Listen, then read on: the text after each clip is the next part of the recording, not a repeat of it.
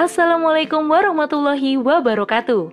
Hai Sobat Narasi Pos di mana pun Anda berada, kembali lagi bersama saya Giriani di podcast Narasi Pos.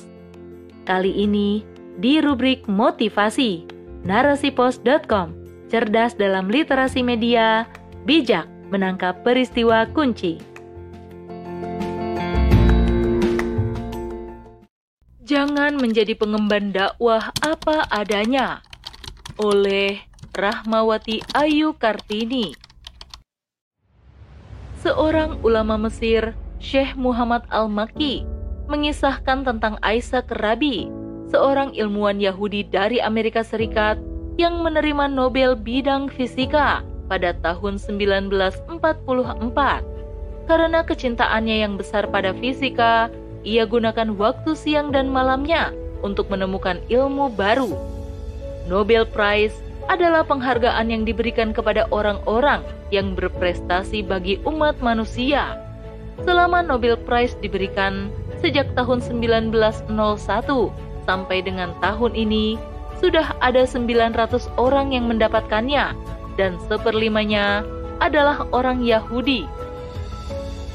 Aisyah Kerabi ditanya wartawan saat menerima penghargaan Nobel.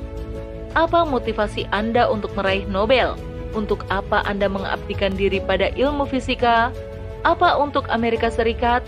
Apa untuk istri dan anak-anak Anda?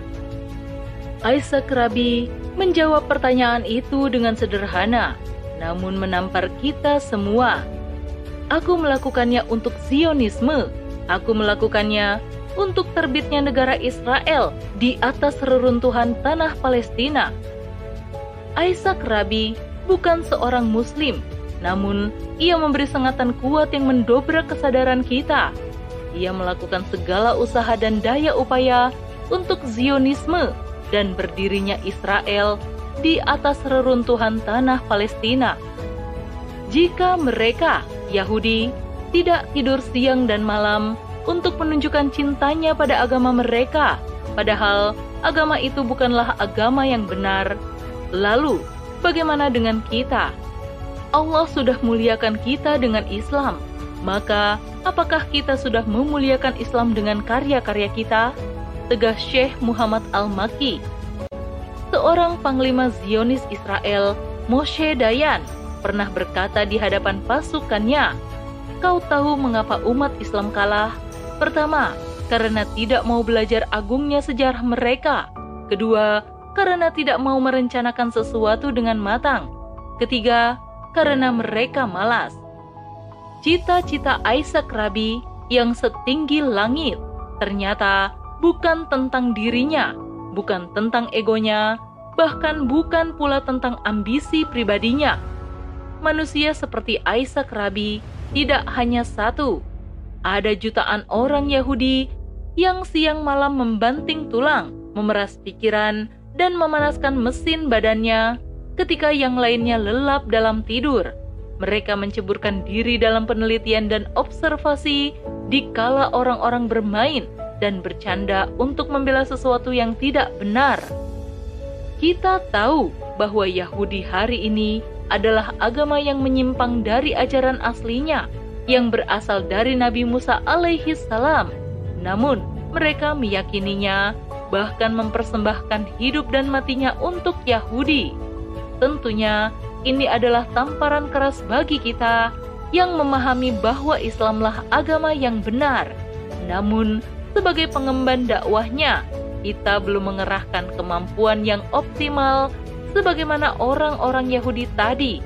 Padahal kita sadari betul bahwa kita hari ini sedang mengantri untuk menjalani jatah hidup yang entah sampai kapan lagi kita terkadang masih larut dalam kelalaian dan kesibukan dunia. COVID-19 kemarin memberikan banyak pelajaran kepada kita dengan kepergian banyak ulama dan pengemban dakwah keharibaannya. Mereka pergi menyisakan hikmah, semangat, dan teladan dalam berkorban di jalan Allah. Kiprah manusia-manusia mulia ini membuat kita cemburu. Istiqomahnya mereka dalam mengemban amanah dakwah hingga akhir hayat membuat kita bertanya-tanya, adakah kelak kita bisa berakhir dalam keadaan yang sama? Banyak-banyak kita belajar darinya tentang kegigihan dan karya jariah yang mereka torehkan selama hidup hingga mereka bertemu Robnya.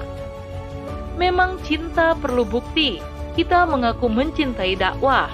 Cinta itu meminta segalanya dari kita.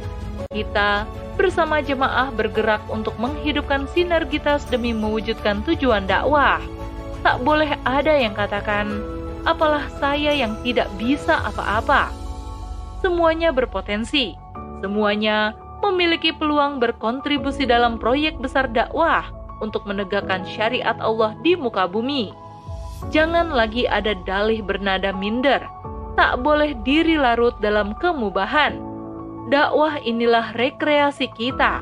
Dakwah inilah kenikmatan terbesar dari Allah. Nikmat ini tak akan bisa dijangkau oleh mereka yang berdalih.